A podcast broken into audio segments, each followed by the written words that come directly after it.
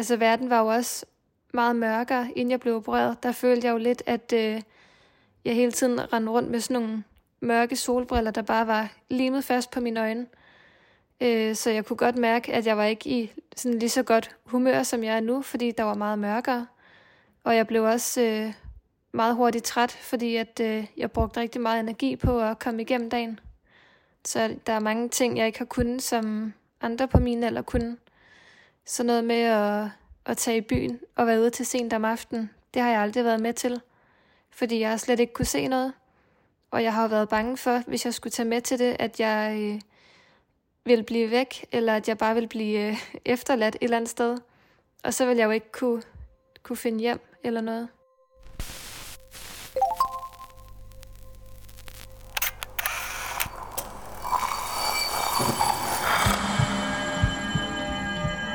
Vi ser os i spejlet hver dag. Som regel er det i forbifarten. Vi scanner lige kort, om vi ser ud, som vi skal, inden vi fortsætter vores dag. Vi ser det samme spejlbillede igen og igen i små øjeblikke. Men hvad sker der, når vi tager os tid til at se os selv i spejlet? Hvad ser vi, hvis vi ser os selv i øjnene?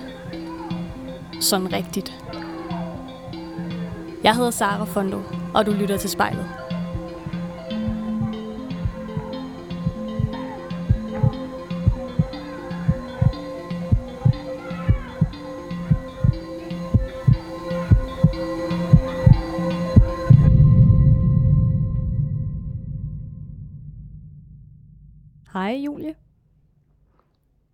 Halløj. Har du det godt i dag? Ja, det har jeg. Hvad har du øh, lavet i dag indtil videre? Øhm, jeg har været ude i stallen og øh, givet hestene noget mad og få lukket dem på fold. Og øh, hvor sidder du henne lige nu? Jeg sidder i øh, min stue. Hvordan ser der ud her i din stue? Der er, ja, som en stue plejer at sidde med en sofa og sofabord og fjernsyn, og så er der øh, nogle billeder på væggene af nogle af hestene. Hvor mange heste har du? Øh, jeg har selv tre. Hvad hedder de? Øh, den ene hedder Benetton, den anden hedder Kalea Anaya, og den tredje hedder Skovløs Donna. Og hvor længe har du haft dem? Øhm, den ene har jeg haft i 10 år, og den anden har jeg haft i 7 år, og den tredje har jeg haft i et års tid. Okay, så det er, det er lidt forskelligt. Ja, yeah. Hvor længe har du øh, reddet? øh, siden jeg var 5. Og hvor gammel er du i dag? Øh, jeg er 21. Hvorhen i landet befinder du dig egentlig? Øh, lidt uden for Ribe. Så du bor på sådan en gård med en masse heste. Ja, en stor gård. Arbejder du også med hestene? Altså sådan, er det din profession? Ja, Så hvordan ser en sådan normal hverdag ud for dig? øh, jeg står op tidligt om morgenen, og så går jeg ud og fodrer hestene og lukker dem ud og strøger boksen op, så det ser pænt ud. Og så øh, går jeg i gang med at ride. Og når jeg er færdig med det, sådan der ved trætiden, så lukker jeg hesten ind igen. Og har du altid vidst, at du gerne vil arbejde med heste? Ja, det har jeg. Det har altid været sådan drømmejobbet. Og det er noget med, at øhm, du gør det sammen med din familie, ikke? Jo, sammen med min storebror. Hvordan er det at kunne dele sådan den her passion sammen med, med din storebror? Det er mega hyggeligt. Øh, og min mor rider også, så det er dejligt med sådan en fælles interesse. Hvad, sådan, hvad kunne du godt tænke dig at opnå med, med ridningen? Altså, jeg vil gerne blive øh, en af verdens bedste dressurrytter, så det er jo alt det der EM og OL og, og hvad det ellers hedder. Så hvor lang tid bruger du sådan på at, at træne op til det? Meget lang tid. Det, det er næsten al min tid går med at være sammen med hestene.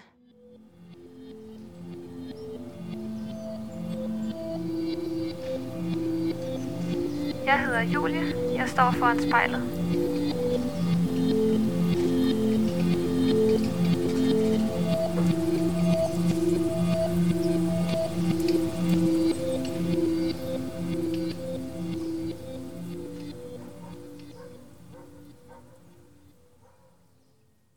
Men øh, Julie, det der skal ske i dag, det er jo, at øh, du skal i spejlet. Mm. Så du skal sidde her det næste gode stykke tid og, øh, og se dig selv. Hvordan øh, har du det med det? Mm, det har jeg det meget godt med. Jeg synes, at øh, jeg hviler sådan ret godt i mig selv, så det er fint. Og du øh, har et spejl her foran dig nu? Ja, det har jeg. Jeg har slæbt et øh, stort spejl herned. det er godt. Og så skal vi ikke prøve at aftale, at, øh, at selv hvis det måske virker lidt halvmærkeligt at sidde der og kigge på sig selv så lang tid, at så, øh, så bliver du ved med at holde øjenkontakt med dig selv ind i spejlet, indtil vi når slutningen her af vores snak. Jo, det kan vi da godt aftale. Men øh, jeg synes, at vi lige skal starte med, at du prøver at lukke øjnene. Mm. Og så bare tage en rigtig god, dyb vejrtrækning helt ned i maven. Og når du synes, du er klar, så må du godt åbne øjnene. Ja. Julie, kan du prøve at beskrive hende, du øh, ser i spejlet? Mm, ja. Øhm. Jeg ser en ung pige, som øh, har haft en rigtig svær barndom, øh, men som er begyndt at få et rigtig godt liv nu, med meget succes. Jeg ved, at, øh, at måden du ser dig selv og resten af verden har ændret sig ret øh, drastisk her for nylig. Kan du prøve sådan at forklare, hvordan dit syn har ændret sig? Ja, altså, øh, jeg er jo født med øh, en sjælden øjensygdom, som gør, at man er natteblind og farveblind og nærsynet, og øh, man bliver blind, inden man bliver 30, hvis man ikke bliver behandlet for det. Og øh, så blev jeg opereret her i december måned, og nu der øh, kan jeg se i mørke, og jeg kan se farver, og øh, mit syn er blevet rigtig godt. Så det er jo en helt ny verden. Så når du sidder nu her og ser dig selv i spejlet, kan du prøve at tænke tilbage på, altså hvordan du så dig selv før operationen, i forhold til sådan, hvad du ser nu? Hvordan er det anderledes? Altså førhen, der var jeg meget usikker på mig selv. Øh, og jeg var sådan, jeg turde ikke at tage nogen steder hen selv, fordi jeg var bange for, at jeg ikke kunne finde rundt. Øh, så jeg kan godt mærke, at øh, efter operationerne, der har jeg fået meget mere selvtillid, og jeg tror meget mere på mig selv nu. Og jeg ved ikke, om det er svært at forklare, men hvordan er det at se verden i sådan sort-hvid, grå toner, som du gjorde? Mm, det... Øh, altså, verden var jo også meget mørkere, inden jeg blev opereret. Der følte jeg jo lidt, at øh, jeg hele tiden rendte rundt med sådan nogle mørke solbriller, der bare var limet fast på mine øjne. Øh, så jeg kunne godt mærke, at jeg var ikke i sådan lige så godt humør, som jeg er nu, fordi der var meget mørkere. Og jeg blev også øh, meget hurtigt træt, fordi at øh, jeg brugte rigtig meget energi på at komme igennem dagen. Og du sagde i starten, at du ligesom ser en, en ung kvinde i spejlet, der har, der har haft en hård barndom. Kan du prøve at, at uddybe det? Jamen, altså jeg er jo blevet øh, mobbet rigtig meget med min øjensygdom i øh, alle de år, jeg har gået i skole. Øhm, og så er jeg også vokset op med en far, som der var alkoholiker, og har udsat mig og min familie for nogle ikke særlig sjove ting. Så, øh, så det har været svært at komme igennem. Og det er selvfølgelig kun, hvis det er okay med dig, men, men hvad er det for ting, han har udsat jer for? Han øh, kunne godt lide at slå, lad os bare sige det sådan. Så hvordan har du det med ham i dag? Øh, jeg har ikke rigtig nogen kontakt med ham. Jeg valgte ham selv fra, da jeg var omkring de der 14 år. Og så øh, igennem det her forløb på Rigshospitalet, der har han skrevet og spurgt, hvordan det er gået med operationer og kontrol og alt det der. Øhm, men ellers så snakker jeg egentlig ikke så meget med ham. Og hvordan har du det med det? Det har jeg det meget godt med. Det er sådan, det er det rigtige valg for dig? Ja, det føles i hvert fald rigtigt. Lige nu sidder jeg i min stue, og jeg ser mig selv i spejlet.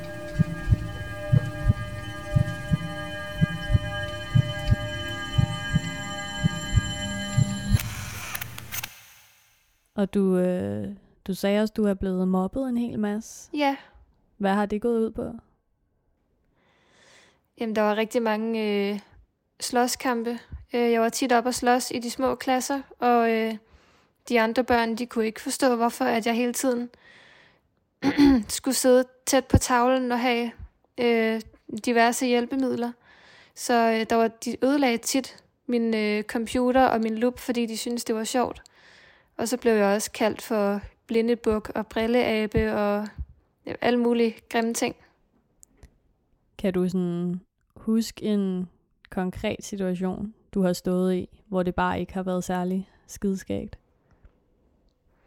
Ja, jeg kan huske, øh, da jeg gik i 3. klasse, der var jeg i øh, Tivoli med min klasse. Det var dengang, vi boede på Sjælland. Så øh, stod vi inde på hovedbanegården og skulle hjem til Slagelse igen. Og så stod der mange af børnene fra klassen og sagde nogle rigtig grimme ting, og sagde, at øh, de syntes bare, at jeg skulle hoppe ud foran et tog, fordi at, øh, jeg tålte mine forældre blive glade for at slippe for mig, når nu jeg var sådan et besværligt barn. Og, øh, og det var virkelig ikke sjovt at være i den situation og bare føle sig så uønsket fra nogle andre mennesker.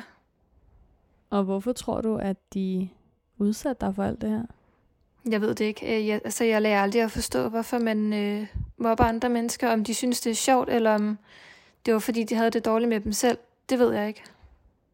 Hvordan har det påvirket dig? Det øh, påvirkede mig på den måde, at jeg blev meget indelukket. Øh, og hvis jeg mødte nogle nye mennesker og skulle til at gå hen til dem, så tænkte jeg sådan, nej, jeg holder mig bare væk, fordi de gider nok ikke at snakke med mig, eller de gider nok ikke at være venner med mig. De siger sikkert bare noget grimt. Så det har jo gjort, at jeg i mange år har holdt mig rigtig meget for mig selv. Så det var også blevet meget ensomt i længden. Hvordan har du det med det i dag? Er det stadigvæk noget, der sådan sidder i dig? Ja, lidt nogle gange, men jeg synes egentlig, jeg er kommet ret godt videre. Ja, hvordan er du det? Jamen, jeg har bare sagt til mig selv, at, øh, at jeg, jeg kunne ikke holde til at være ensom, og jeg kunne ikke holde til, at jeg hele tiden skulle holde mig væk fra mennesker. Jeg ville jo også gerne være social og have nogle gode venner. Og så øh, det, at jeg altid har haft hestene, som jeg kunne tage ud til, når jeg havde brug for noget ro i hovedet. Det har også været godt. Og øh, så har jeg også en god familie, som altid har støttet mig. Så har du fundet nogle gode venner nu, som behandler dig ordentligt? Ja, det har jeg.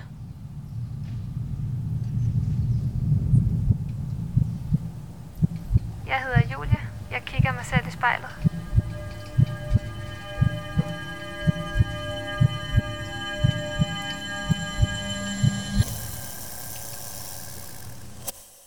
Og Julie, der er jo mange aspekter af din øjensygdom, der har bragt udfordringer med sig. Hvornår har det været altså, allermest udfordrende for dig? Øhm, det sværeste, det har jo været, at jeg har været netteblind. Så der er mange ting, jeg ikke har kunnet, som andre på min alder kunne. Så noget med at, at tage i byen og være ude til sent om aftenen, det har jeg aldrig været med til. Fordi jeg har slet ikke kunne se noget.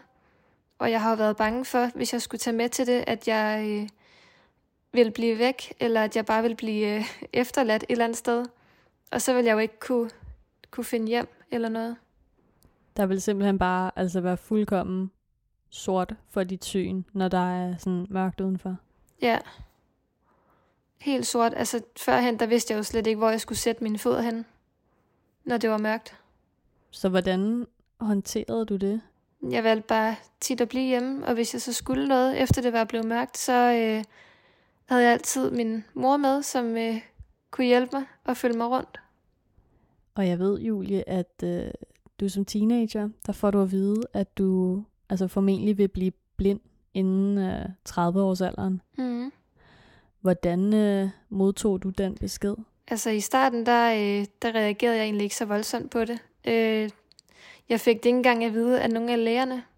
Jeg, øh, jeg fandt frem til det inde på Google. Så i starten, der tænkte jeg, det, det skal nok gå. De når at finde på noget, inden at, øh, at det er for sent.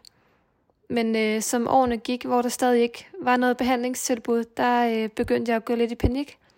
Og jeg satte mig for, at øh, jeg skulle nå så mange af mine mål og mine drømme, øh, inden at jeg skulle blive blind. Så sådan en form for, ja, bucket list. Ja, lige præcis. Hvad, sådan, hvad stod der så på den her liste? Der stod, at øh, jeg skulle nå ud at rejse, ud at se verden, og jeg skulle nå at ride øh, DM i dressur, og så skulle jeg nå at eje mit eget ridecenter. Det var sådan de tre vigtigste ting. Og man kan sige, nu, altså nu har din situation selvfølgelig totalt ændret sig, men øh, hvor mange af de her ting har du så nået? Dem alle sammen. Det er flot klaret. Ja. Så øh, hvor har du været at rejse henne? Jeg har været meget i Spanien og England, og jeg har egentlig rejst hele Europa rundt. Jeg ser verden i farver for første gang, og jeg ser mig selv i spejlet.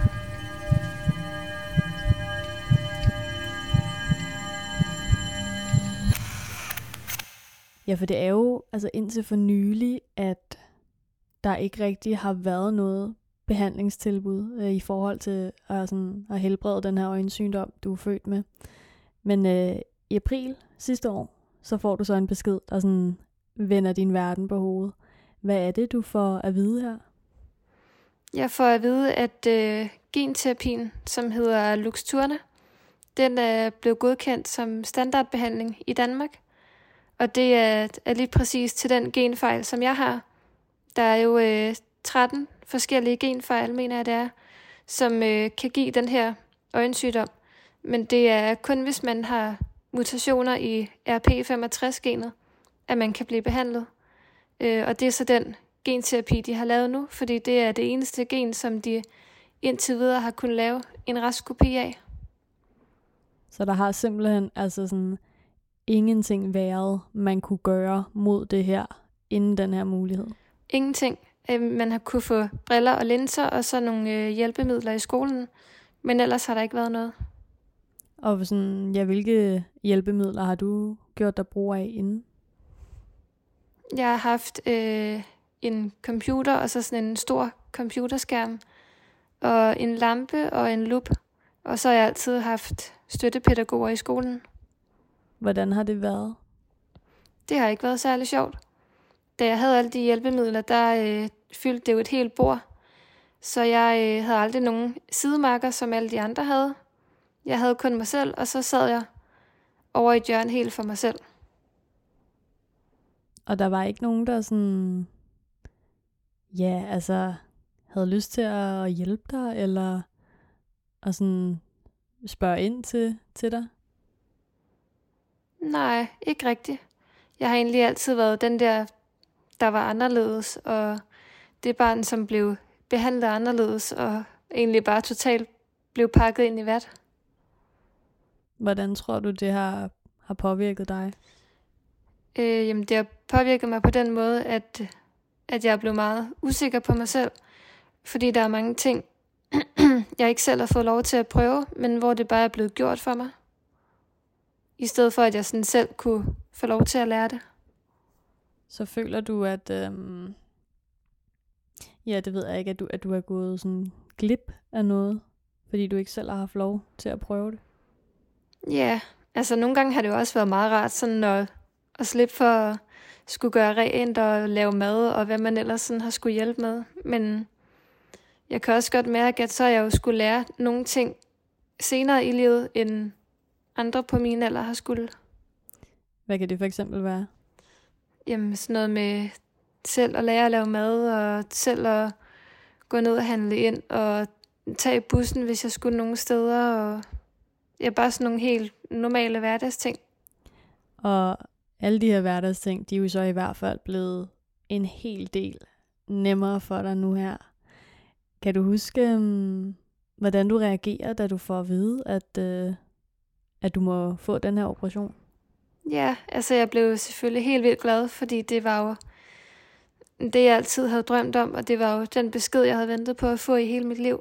Men øh, jeg blev også ret nervøs, fordi at der var så mange ting, der kan gå galt ved øh, de her operationer. Hvad kan gå galt? Altså hvis de øh, rammer forkert, når de øh, stikker kanylen ind med medicinen, så øh, kan nethinden briste, og hvis den gør det, så bliver man blind med det samme. Øh, og så er der jo også alt det her med, at man kan få øh, nethindeløsning og regnbuehindebetændelse og infektion og betændelse og blødning, og at der er rigtig mange ting, der kan gå galt. Så var du nogensinde i tvivl, om du ville takke ja til det her? Ja, det var jeg. Øh, da vi øh, tog hjem fra den ene undersøgelsesdag, der øh, sad jeg hele vejen hjem og tænkte, om, øh, om det var det værd, hvis det kunne gå så galt.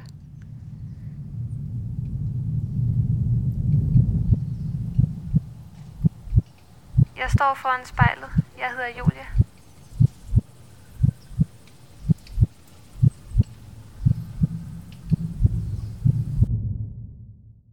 Nogle gange så laver man så jo sådan en uh, pros and, and cons, du ved, fordele og ulemper på den ene side.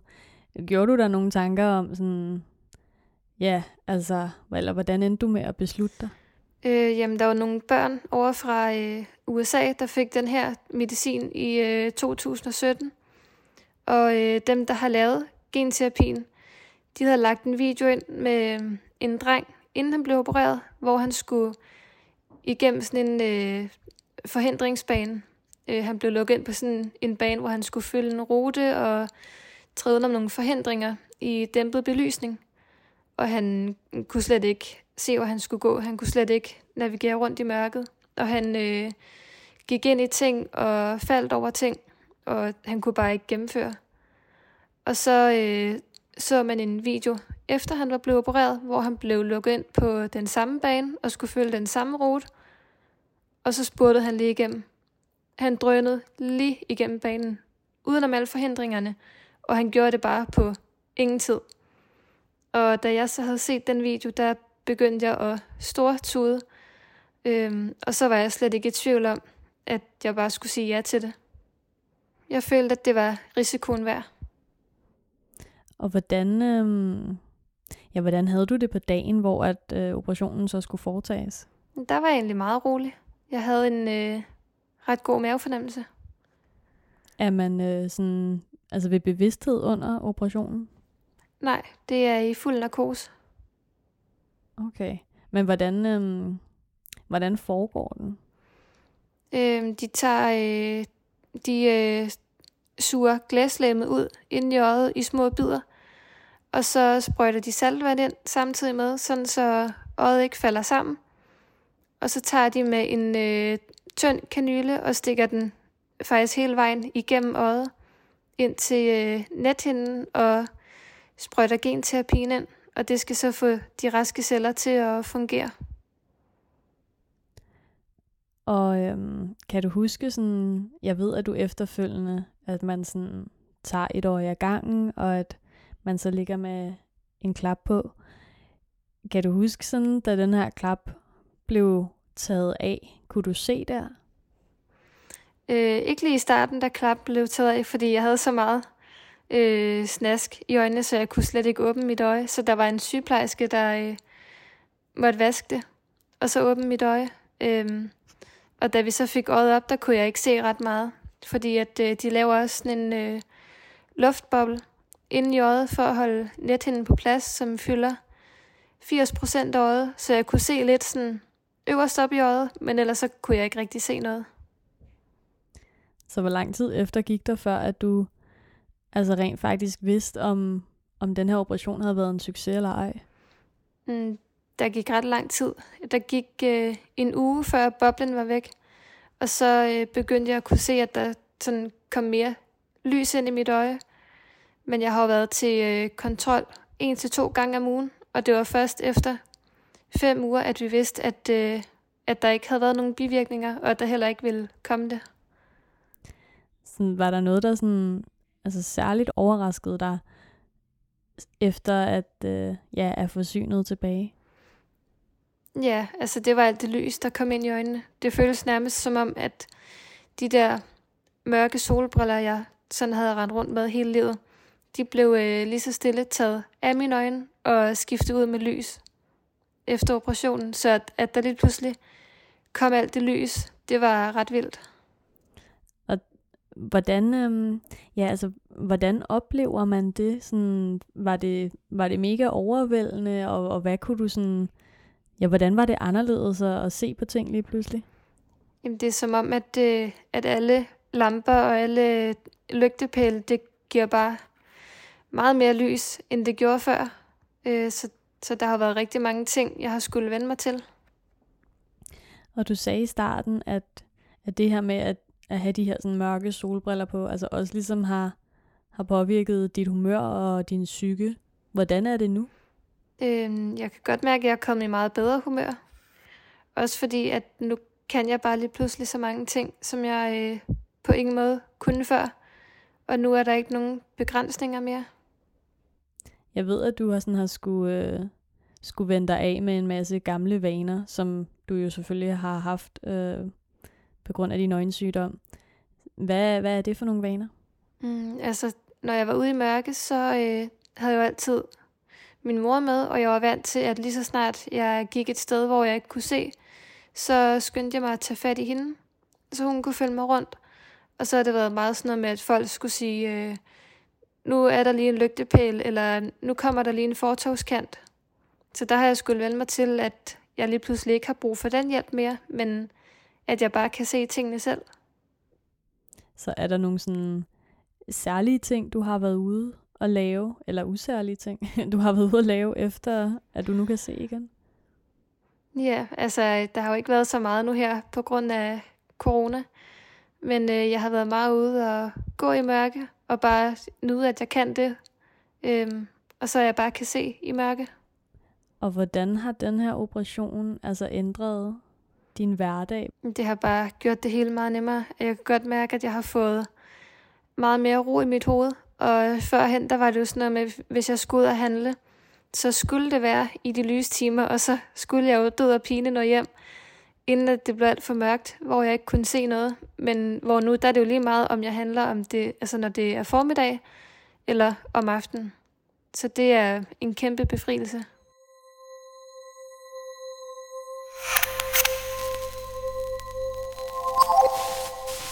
Jeg er født med en øjensygdom, men nu har jeg fået synet tilbage. Og hvad sådan øhm, med farverne? Altså sådan, at du, du ser jo verden i farver for første gang. Hvordan har det været? Det har været øh, dejligt, men også mærkeligt, fordi at jeg har jo lige pludselig skulle lære øh, at kende forskel på farverne, og øh, lære, hvad alle farver hedder.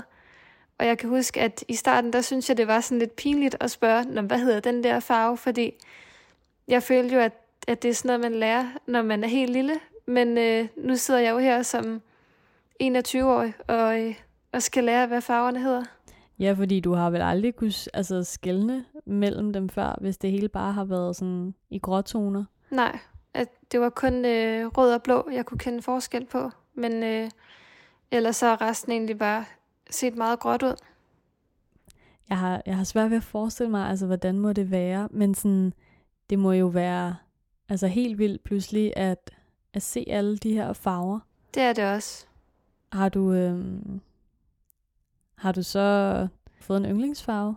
Mm, ikke nu. Jeg synes jo bare, at alle farver er så flotte, og jeg nyder bare, at jeg kan se dem. Har det på nogen måde gjort nogen forskel for dig, at du nu kan se farver? Ja, altså hvis, førhen, hvis der var nogen, der sagde, øh, tag lige den blå skål derhen, så vidste jeg jo ikke, hvad det var, jeg skulle kigge efter. Men det kan jeg jo bare finde ud af nu. Og har du så lært farvernes navne nu? Nej, ikke helt. Jeg synes, det, øh, det tager noget tid. ja, det tager nok lidt træning. Ja. Er der ellers noget, som, øhm, ja, som den her operation har, har ændret for dig? Ja, altså, det er jo bare blevet en helt ny verden. Så det øh, er mega fantastisk. Og selvom at du nu er, ja, er du blevet sådan 100% kureret? Ja. Det er jo en arvelig sygdom, øh, og du har den fra dine forældre, som sådan har været raske bager, så de ikke selv er syge. Men, øh, men du kan jo altså potentielt øh, altså give den videre, hvis du en dag selv får et barn. Hvilke tanker har du gjort dig omkring det? Jeg har tænkt meget over, at øh, hvis jeg finder en kæreste, som jeg lige pludselig skal have børn med, så skal han også have lavet en gentest for at se, om han også har genfejlen. Fordi hvis øh, vi begge to har den, og øh, vi får et barn, så er det 100% sikkert, at det her barn både vil blive øh, bærer af genfejlen, og vil få sygdommen. Men øh, hvis det nu kun er mig, der har genfejlen, og øh, jeg så får et barn med en mand, som ikke har den, så vil vores barn kun blive øh, rask bærer af det, men vil ikke få sygdommen. Så det er noget, jeg sådan har tænkt meget over, at øh, jeg ønsker ikke at give den her sygdom videre til mine børn. Så måden at undgå det på, det vil simpelthen være altså at gå ud og få sin kæreste øh, til at lave sådan en gentest, så man kan finde ud af det. Ja.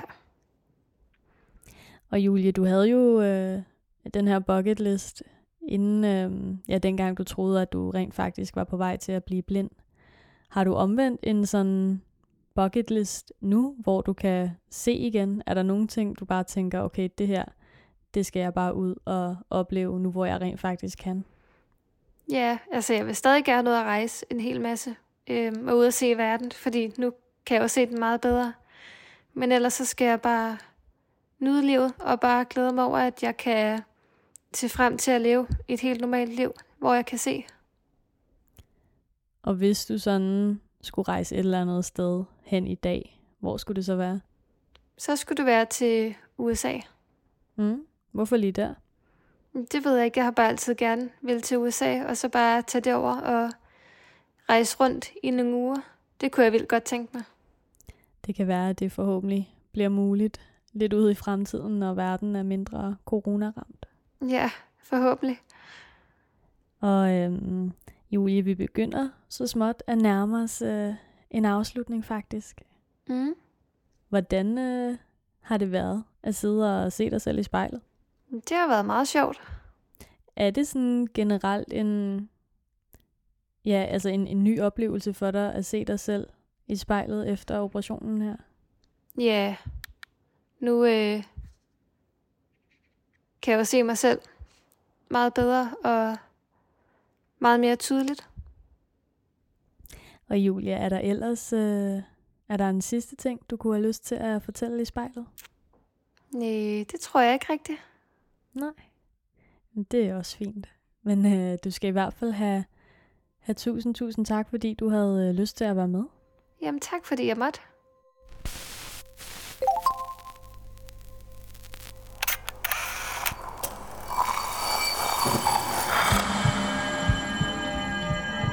Du har lyttet til spejlet.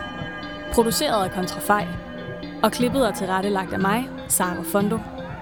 Hvis du har noget på hjerte, eller hvis du har en idé til, hvem der skal stå foran spejlet, så skriv til os på Instagram.